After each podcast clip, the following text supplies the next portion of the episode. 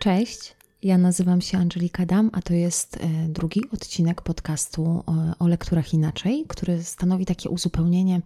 do serii w kontekście literatury, takiej serii, którą możecie znaleźć na YouTubie. I dzisiaj postaram się opowiedzieć e, bardziej tak swobodnie o ludziach bezdomnych, a w zasadzie nie o tej książce, a bardziej o bohaterze i o tym, e, dlaczego ja go tak naprawdę nie lubię, bo na początek przyznam się, że to nie jest mój ulubiony bohater literacki. Nie darzę go sympatią i bardzo często wykorzystuję to na prowadzonych przez siebie lekcjach, kiedy mówię uczniom e, o tej e, mojej e, takim, takiej słabości w stosunku do, do, do tego bohatera, w tym sensie, że trochę mi głupio, że, że nie, nie darzę go sympatią. I zawsze bawimy się w coś takiego, że oni mnie przekonują, dlaczego, dlaczego jednak ten bohater mógłby, mógłby mm, jednak się obronić, dlaczego jednak nie powinno się go traktować tak, w taki sposób surowy, jak ja to robię, a czasami dołączają do mojego obozu i w, wspólnie rozmawiamy o tych e, wadach bohatera, a w zasadzie może nie o tych wadach, tylko o tym, w jaki sposób e, ta powieść e, współcześnie jakby gra w umyśle czytelnika, czyli w jaki sposób ten czytelnik odbiera tego bohatera i wybór, przed którym on staje. I właśnie na tym pomyśle, który wdrażam właściwie na każde swoje zajęcie dotyczące ludzi bezdomnych, oparłam temat dzisiejszego podcastu podcastu, więc e, najpierw trochę opowiem o tym, mm, jak, e, jak Tomasz Judym odzwierciedla pewien obraz e, aspiracji młodego człowieka w okresie, kiedy Żeromski tworzył tę powieść. Następnie przejdę do, tego, do takiej kreacji tego bohatera, a potem powiem o tym, dlaczego, dlaczego może on dzisiaj nie budzić takiej sympatii i dlaczego wybór, przed którym on staje, może się wydawać wyborem, który w zasadzie mógłby nie mieć miejsca.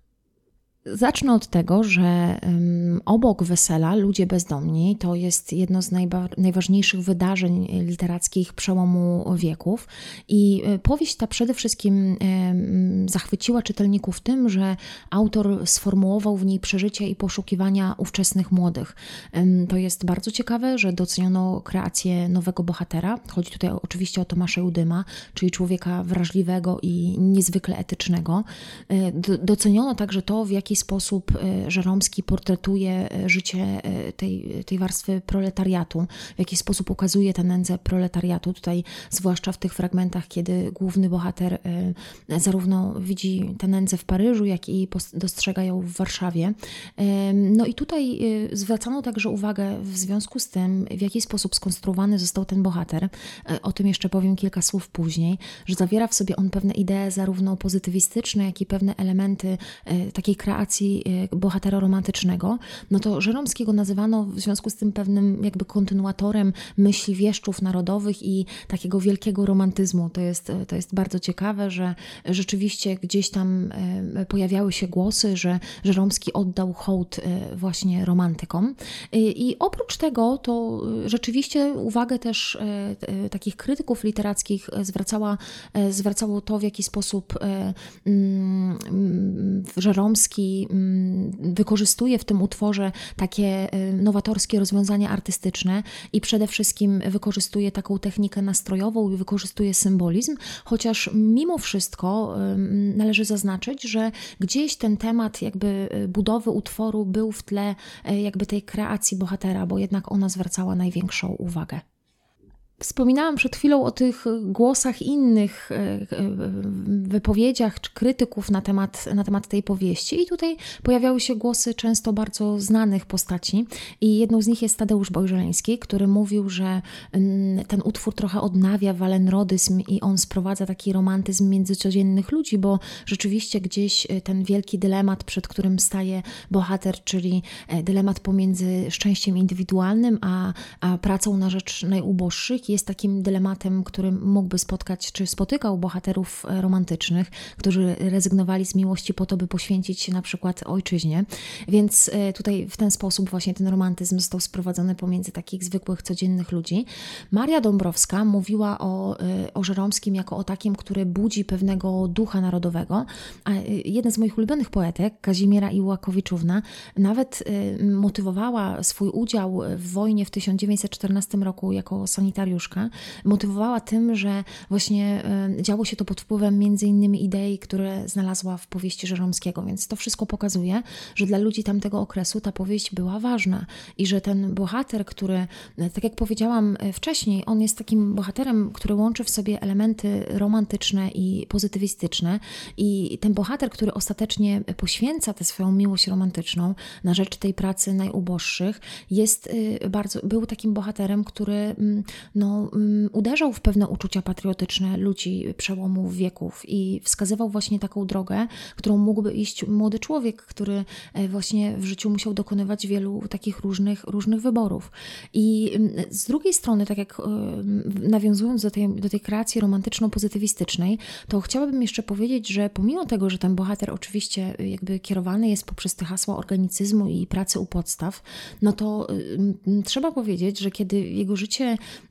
nie układa się dokładnie po jego myśli, kiedy napotyka na pewną barierę w szerzeniu tych idei pozytywistycznych, to buntuje się z iście jakby taką romantyczną fantazją, powiedziałabym, bo najpierw jest ten odczyt w Warszawie u doktora Czernisza, ten słynny odczyt, y, słynny w umyśle pewnie każdego czytelnika, kilka słów w sprawie higieny, kiedy wyrzuca on e, lekarzom sposób prowadzenia przez nich e, jakby pracy na rzecz najuboższych, tłumaczy im pewien sens, e, czy próbuje im wytłumaczyć sens ich pracy, czy powinności lekarskie, ale z drugiej strony tłumaczy im też, z czego biorą się choroby i jak, na czym powinna polegać w ogóle działalność lekarza. Potem mamy ten moment, kiedy on jest w cisach i w zasadzie, kiedy jego pomysł osuszania stawów i jakby usunięcia tych wszystkich, e, samej przyczyny chorób u ludzi miejscowych mieszkających niedaleko Cisów spotyka się z, z brakiem zainteresowania ze strony dyrektora tych, tych Cisów, no to z iście jakby tutaj wielką fantazją wdaje się w bójkę, powiedziałabym, chociaż no, nie wiem, czy to jest trafne określenie, i ostatecznie wyjeżdża z Cisów. Potem trafia na Zagłębie i odrzuca tę Joasię Podborską i zmierza do tego, że w tym wszystkim jest taka postawa właśnie taka, takiego buntu. I to jest e, bardzo ciekawe, bo, e, bo on przez to miał chyba taką, e, taki pewien, wielo, był taką postacią wielowymiarową. Przepraszam, tak trudno było mi uzbierać myśli, w jaki sposób to powinnam to powiedzieć i dalej nie wiem, czy powiedziałam to dobrze, ale chodzi o to, że to nie było, ten wybór nigdy nie był prosty w jego życiu. Za każdym razem, e, kiedy go dokonywał, to jednak musiał się z czymś żegnać, musiał, e, musiał wybierać pewną drogę i właściwie ten wybór, przed którym staje na, na końcu, wydaje się być bardzo logicznie przeprowadzony, bo już wcześniej były takie momenty, kiedy on musiał dokonywać wyborów trudnych i radził sobie z nimi, chociaż ja chcę podkreślić, że nie zawsze te wybory były właściwe, no bo jeżeli e, no tutaj wystarczy przytoczyć taki fragment, kiedy e, Tomasz Judym na początku kieruje większą uwagę ku Natalii niż ku Joasi dopiero kiedy Natalia e, dość e, jakby jasno odrzuca jego, jego takie zaloty, no to wtedy zwraca uwagę większą na, na Joasię, na tę kobietę, na którą od początku powinien, powinien zwrócić większą uwagę. Ale zmierzam do tego, że właśnie to jest całkiem logiczne, że on staje przed tym wyborem na końcu tego utworu i właśnie no, to wszystko sprawiało, że ta książka jakoś tak mocno odbiła się echem wśród, e, wśród e, takich młodych czytelników. Natomiast, jak postaram się powiedzieć później, e, niekoniecznie wszystkie te rzeczy, o których powiedziałam, przekonują dzisiejszego czytelnika. Niekoniecznie są one zgodne z pewnym jakby sposobem myślenia i też pewnymi przyzwyczajeniami literackimi, które posiada taki czytelnik w XXI wieku. Ale zanim jeszcze przejdę do tej takiej krytyki postawy tego bohatera, to może przypomnę e, w ogóle, kim on jest i, i, co o nim wiemy z samej powieści, no to wiemy, że wywodzi się z warstwy najuboższych, e, z takich proletariuszy. Jego ojciec był szewcem z ulicy Ciepłej, był alkoholikiem, miał brata, w sensie e, oczywiście nie ojciec, ale Tomasz miał brata Wiktora i w pewnym momencie, kiedy oni byli chłopcami, po śmierci ich matki, ciotka postanowiła przygarnąć Tomasza, nie zdecydowała się na wybór Wiktora, Tomasz był atrakcyjniejszy jako dziecko, był po prostu ładniejszym dzieckiem. I w związku z tym ciotka zajmowała się e, wychowaniem i wykształceniem Tomasza, chociaż tutaj e, każdy, kto czytał, wie, że, że to nie, nie są do końca właściwe słowa, bowiem ona właściwie traktowała go jak służącego, biła go często, pozwalała na to, poniżała go i pozwalała na to, by inni mieszkańcy jej, jej czy goście jej mieszkania poniżali, poniżali Tomasza. No i w pewnym momencie Tomasz po prostu opuścił ten dom i kształcił się najpierw na lekarza, w, jakby kształcił się, by uzyskać, uzyskać tytuł lekarza najpierw w Warszawie, a potem w Paryżu. I poznajemy go najpierw w Paryżu, w momencie, kiedy e, spotyka właśnie panny Orszańskie z Joasią Podborską. E, potem przenosimy się do Warszawy i bohater ten e, mm, jest takim początkującym lekarzem, który pracuje w szpitalu i zakłada praktykę lekarską, no ale na tej praktyce lekarskiej mu się nie wiedzie i takim kulminacyjnym momentem jest ten, odczy, jest ten moment odczytu kilka słów w sprawie higieny, który właściwie żegna e, jego jako uczestnika e, takich, tego towarzystwa lekarskiego, bowiem e, właściwie no, to jego zdecydowane wystąpienie nie spotyka się z aprobatą prawie nikogo spośród, spośród zebranych, zebranych tam mężczyzn. No i potem widzimy dalej bohatera w Cisach, tam właśnie poznaje Joasię Podborską, rozpoczyna taką pracę filantropijną, zakłada szpitalik dla, dla pobliskiej ludności, dla, dla tych chłopów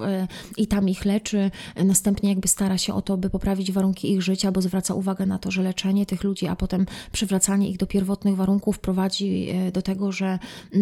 oni później jakby ponownie wymagają leczenia, więc starać się działać na rzecz właśnie, właśnie tej grupy. E,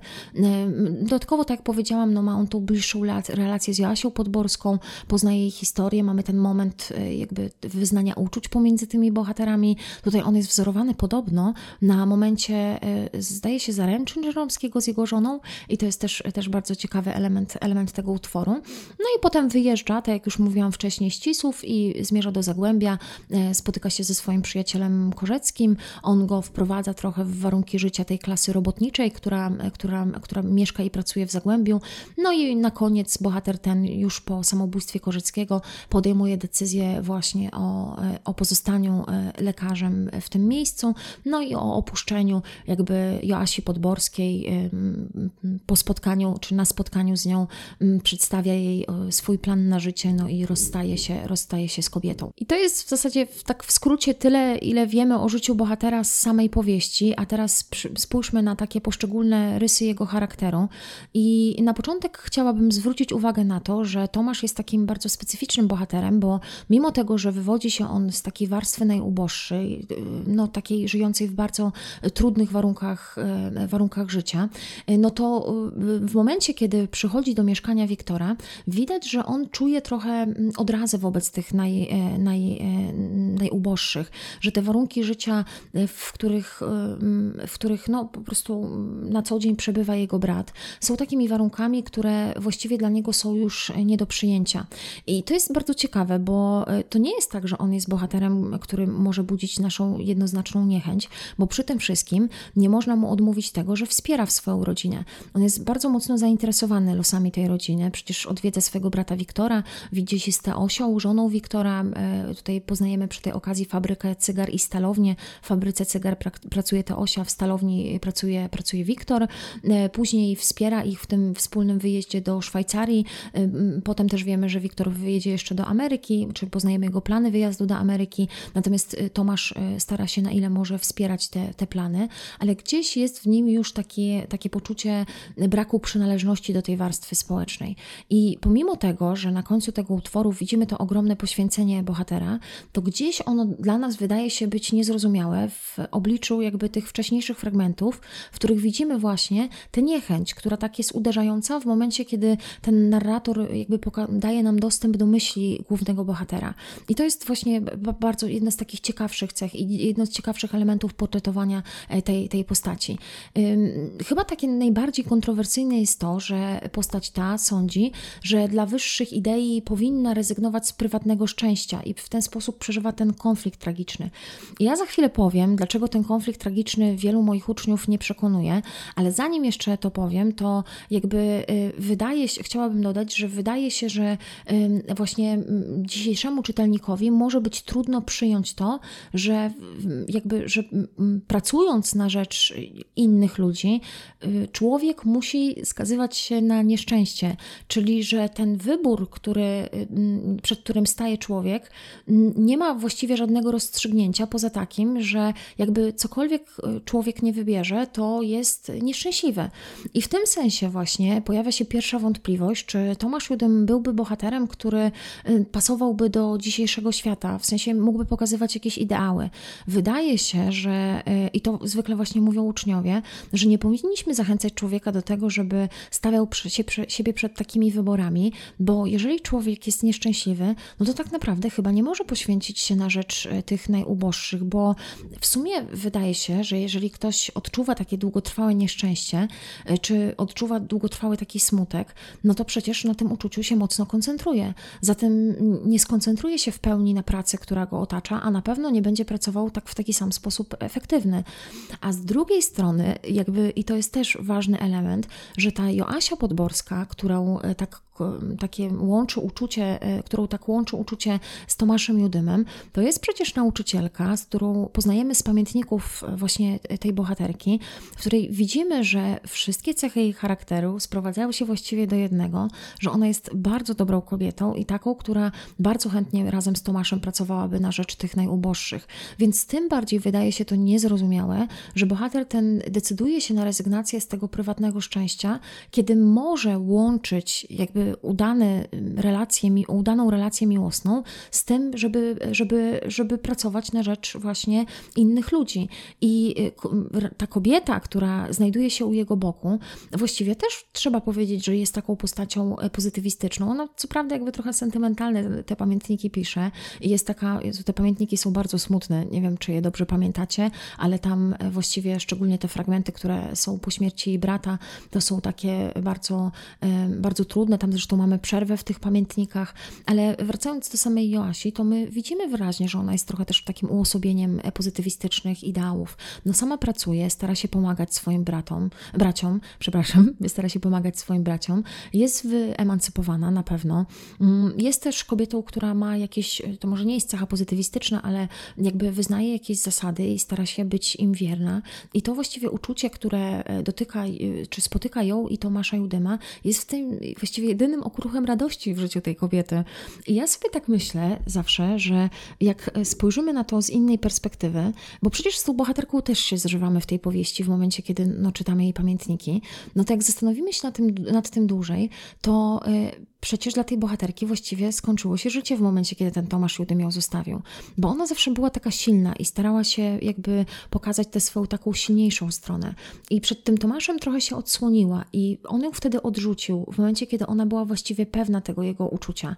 I to jest, y, wydaje się, że taki cios dla tej bohaterki, że gdybyśmy mieli pewnie dalszą część tych pamiętników, to tam wyszłoby jakby, że ta kobieta do końca życia była sama i pewnie też pracowała na rzecz, y, właśnie no, pracowała jako nauczycielka, pomagała jakby innym ludziom, e, ale z drugiej strony na pewno też była nieszczęśliwa, więc wydaje się to jakby wybór, ten wybór, przed którym staje Tomasz Judem dla takiego przeciętnego ucznia, który myśli w podobny sposób, jak próbowałam teraz jakby zrekonstruować, to ten wybór wydaje się być absurdalny, bo to nie jest kobieta, która jest e, kobietą z jakąś z wyższych sfer, która e, no, potrzebuje jakichś luksusów i żąda od mężczyzny całkowitego poświęcenia się miłości, tylko to jest kobieta, która no, z pewną desperacją przyjmuje to uczucie jako taki element, który mógłby po prostu rozświetlić jej życie. Wracając do tej charakterystyki jednak, a porzucając na moment jakby wątek e, Joasi Podborskiej, to e, chciałabym zwrócić uwagę też na to, że e, jest coś w tym bohaterze jednak, co nie pasuje do kreacji bohatera romantycznego, bo on co prawda działa sam i czuje się wyobcowany, no jest takim bohaterem walenrodycznym, ale na początku przecież podejmuje próbę niedziałania samodzielnego, czyli podejmuje próbę, te, podejmuje próbę przekonania lekarzy do tego, by poszli oni podobną drogą, jaką on chce wybrać. Czyli to jest e, moim zdaniem e, interesujące, że e, ta droga, na, którą, na której znajduje się ten bohater, ta droga, po której kroczy niczym bohater romantyczny, właśnie taki idealista, samotnik, no to jest taka droga, która, e, która nie jest jego wyborem, bo on właśnie tak jak powiedziałam wcześniej, podejmuje próby uzyskania akceptacji w środowisku lekarskim, podejmuje próby zachęcenia innych do przyjęcia tych takich nowoczesnych, e, nowoczesnego spojrzenia na, na praktykę lekarską i na powinność lekarza, ale ponieważ spotyka się z tym odrzuceniem, no to jakby no nie może podejmować dalszych prób, musi sam jakby wybierać swoją drogę. I tak się dzieje też w Cisach, bo przecież w Cisach próbuje on też znaleźć sojuszników. Najpierw y, tym, tym sojusznikiem staje się Les, czyli ten Leszczykowski. Y, potem y, próbuje z dyrektorem i z lekarzem tego, tego uzdrowiska szukać tego porozumienia, ale oni też są bardzo tacy hermetyczni, zaściankowi, zamknięci. W zasadzie nie przejmują się za bardzo tym, jaką szkodę wyrządzają okolicznej ludności. No i to wszystko powoduje, że no, musi on podjąć drastyczny czyn i znowu samodzielnie jakby ruszyć dalej. I to też może w jakimś sensie um, wpływać na wybór, którego dokonuje ten bohater e, pod koniec utworu. Bo za każdym razem, kiedy próbuje on coś robić z innymi ludźmi, za każdym razem, kiedy wyciąga do nich dłoń albo próbuje im przekazać swój sposób myślenia, to spotyka się z odrzuceniem. I teraz tak mi przyszło do głowy, bo chyba e, nigdy wcześniej tak odważnie w ten sposób nie interpretowałam tego utworu, ale zastanawiam się teraz, czy nie byłoby słusznym takie stwierdzenie, że bohater ten odrzuca też Joasię Podborską właśnie z tego względu, że gdzieś tam może składnikiem tej decyzji jest taki lęk przed tym, że e, także w tej Joasi dozna tego zawodu, że ostatecznie no po prostu okaże się, że ona, tak jak inni, y, inni ludzie, których próbował on przekonać do przyjęcia tej drogi, którą on kroczy, y, nie okażą też y, jakby szacunku czy właściwej postawy. No nie będą w stanie przyjąć takiego wyrzeczenia, nie będą w stanie przyjąć tego, tego sposobu, sposobu myślenia. 잠시만요. Przy okazji charakterystyki tego bohatera chciałabym jeszcze powiedzieć o tym takim długu przeklętym, o którym strasznie dużo jest w tym utworze. I to jest w ogóle sprawa też bardzo kontrowersyjna moim zdaniem, bo kiedyś doś, doszłam do tego w trakcie zajęć razem ze swoimi uczniami, tak na skutek takiej naszej dyskusji na temat, na temat tego w ogóle słowa, tego określenia i na, na temat postawy bohatera, która jakby wiąże się z tym, z tym, z tym, z tym terminem. I doszliśmy do wniosku, że właśnie to, ten dług przeklęty przeklęty, no ja tylko powtórzę, że ten tylko, tylko tak powiem, że ten dług przeklęty to jest taką jakby obowiązek, który czuje ten bohater działania na rzecz tej warstwy, z której sam pochodzi, czyli ten dług przeklęty to jest po prostu dług, który on musi spłacić na rzecz tej warstwy, z której pochodzi, no i w związku z tym właśnie decyduje się na pracę na rzecz e, tych, e, tych osób najuboższych. No i mm, zmierzam do tego, żeby powiedzieć, że wydaje się, kiedy myślimy o tym, jak w takim razie ten ten bohater pochodzi, podchodzi do tej pracy, że to chyba nie jest dobra motywacja, że on, jakby za jego czynami nie stoją takie czyste uczucia, właśnie przyjęcia tej postawy. E, ja nadużywam tego słowa, mam takie poczucie tego, tej postawy poświęcenia się, czy tej postawy jakby pracy na rzecz tych ludzi słabszych, bardziej pokrzywdzonych, tylko stoi za tym jakieś takie przekonanie o tym, że bohater coś musi, czyli że nie robi on tego dlatego, bo to chce to chce robić, tylko dlatego, że musi to robić. Nawet jeżeli ten przymus nie wynika z czynników zewnętrznych, chociaż być może losy bohatera dowodzą, że wynika z czynników zewnętrznych, ale przede wszystkim wynika z tych czynników wewnętrznych. I tutaj y, y, zawsze pada takie, takie, y, taka propozycja ze strony uczniów, że być może właśnie to pokazuje nam bohatera w tym sensie negatywnym, że jego bardziej wiedzie, jego prywatna chęć jakby dopełnienia czegoś, co e, sam sobie wcześniej wymyślił, że musi w swoim życiu zrobić, niż e, takie czyste, e, czysta jakby taka czysta idea jakby samej pracy, czy chęć właśnie um, tego takiego czystego działania na rzecz, na rzecz tych najbiedniejszych. Dochodzimy do ostatniego elementu, o którym chciałam powiedzieć, i właściwie tego elementu, który nadał tytuł temu, e, tej mojej wypowiedzi, czyli właściwie dlaczego Tomasz Judym mnie wkurza. Ja, tak jak mówiłam wcześniej, w dużej mierze tę część swojej wypowiedzi oprę na swoich indywidualnych takich doświadczeniach w pracy z uczniami. Ja nie jestem super doświadczonym nauczycielem, ale e, zawsze e, staram się na początek rozmawiać z moimi uczniami o tym, jakie uczucia wzbudza w nich lektura. I zwykle na początku jest tak, że uczniowie zwracają uwagę na nastrój tej powieści bo to, jak my widzimy świat oczami Tomasza Judyma i to, jak ukazuje nam swoje losy Joasia Podborska w pamiętnikach, to jest takie spojrzenie, które, jak to mówią czasem uczniowie, jest bardzo dołujące. To znaczy ono... Y, no ta książka nie jest łatwa do odczytania i w sensie w, tym, w, w, takiej, w takiej interpretacji, że nie jest łatwa, to znaczy może być dla ucznia pod względem tego nastroju trochę nużąca i jeszcze przeplatanie tych zdarzeń, które spotykają bohaterów, które są właściwie pasmami jakieś, pasmem jakichś nieszczęść, no to przeplatane są te, te właśnie wydarzenia e, opisami przyrody, które też, jak, jeżeli znacie Żeromskiego, dość, dość są trudne dla takiego e, niewyrobionego powiedzmy, e, powiedzmy odbiorcy, ale wracając do takiej mojej myśli, to oprócz tego nastroju, to chyba mm, jedną z takich trudniejszych rzeczy dla ucznia jest ta kreacja głównego bohatera. Ja o tym mówiłam już wcześniej, że e, dla uczniów niezrozumiały jest ten wybór, który, przed którym staje ten bohater, że tutaj rezygnacja z tego szczęścia indywidualnego i to, i to takie i ten, ten, taki wybór,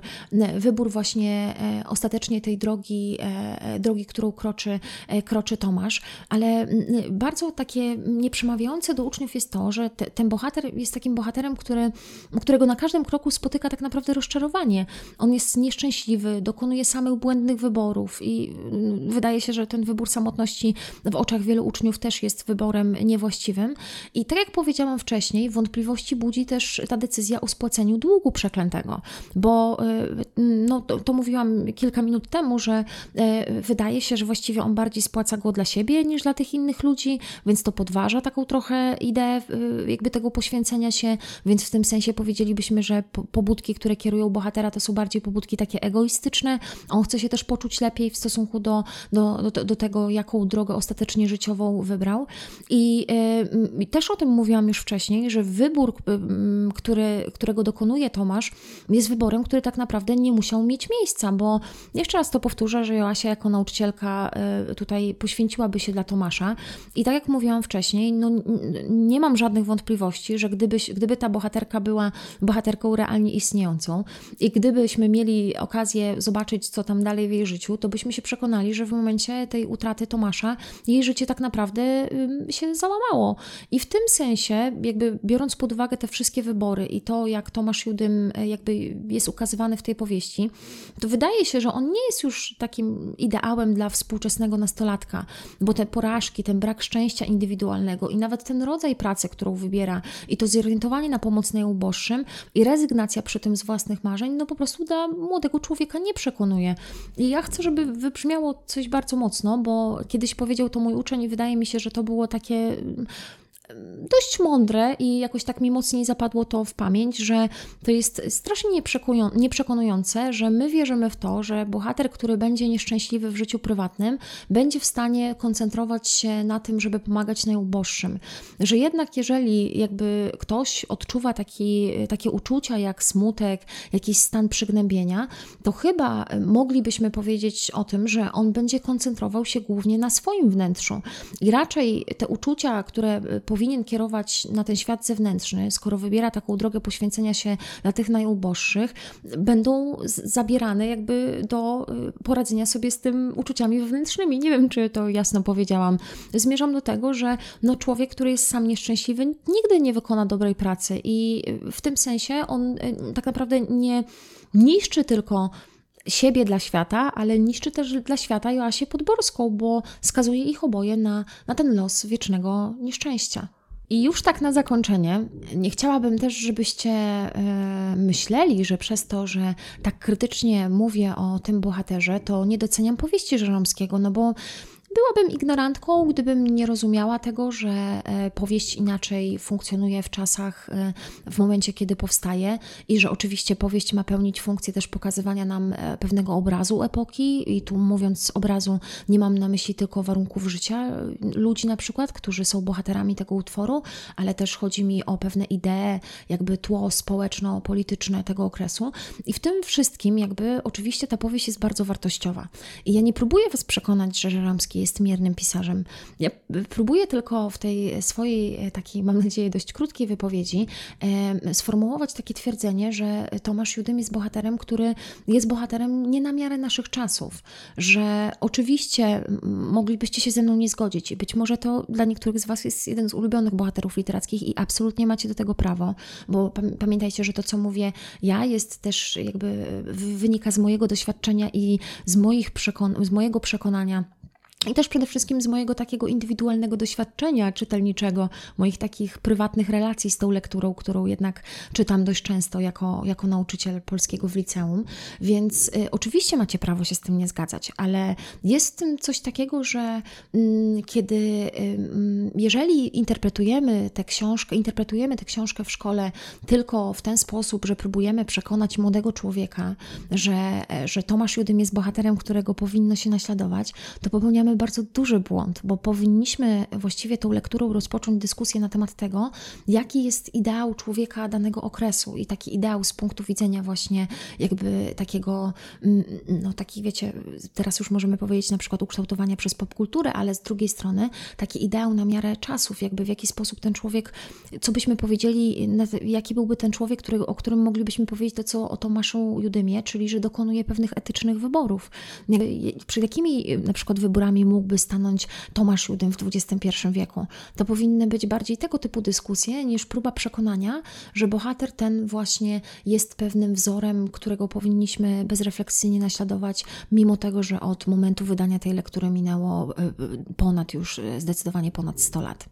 No i to tyle w zasadzie. Chciałam tak się podzielić z Wami taką, taką prywatną refleksją na temat tej, tej lektury i zachęcam Was jednocześnie do takich indywidualnych poszukiwań. No i oczywiście, jeszcze raz powtórzę, jeżeli e, macie ochotę na, taką szersze, na takie szersze przypomnienie sobie e, tego, o czym jest ta książka i e, trochę, trochę opracowanie tej lektury, no to zapraszam serdecznie na, na mój kanał na YouTubie. No i pewnie usłyszymy się niedługo, kiedy, kiedy porozmawiamy o kolejnej, o kolejnej lekturze. Do usłyszenia.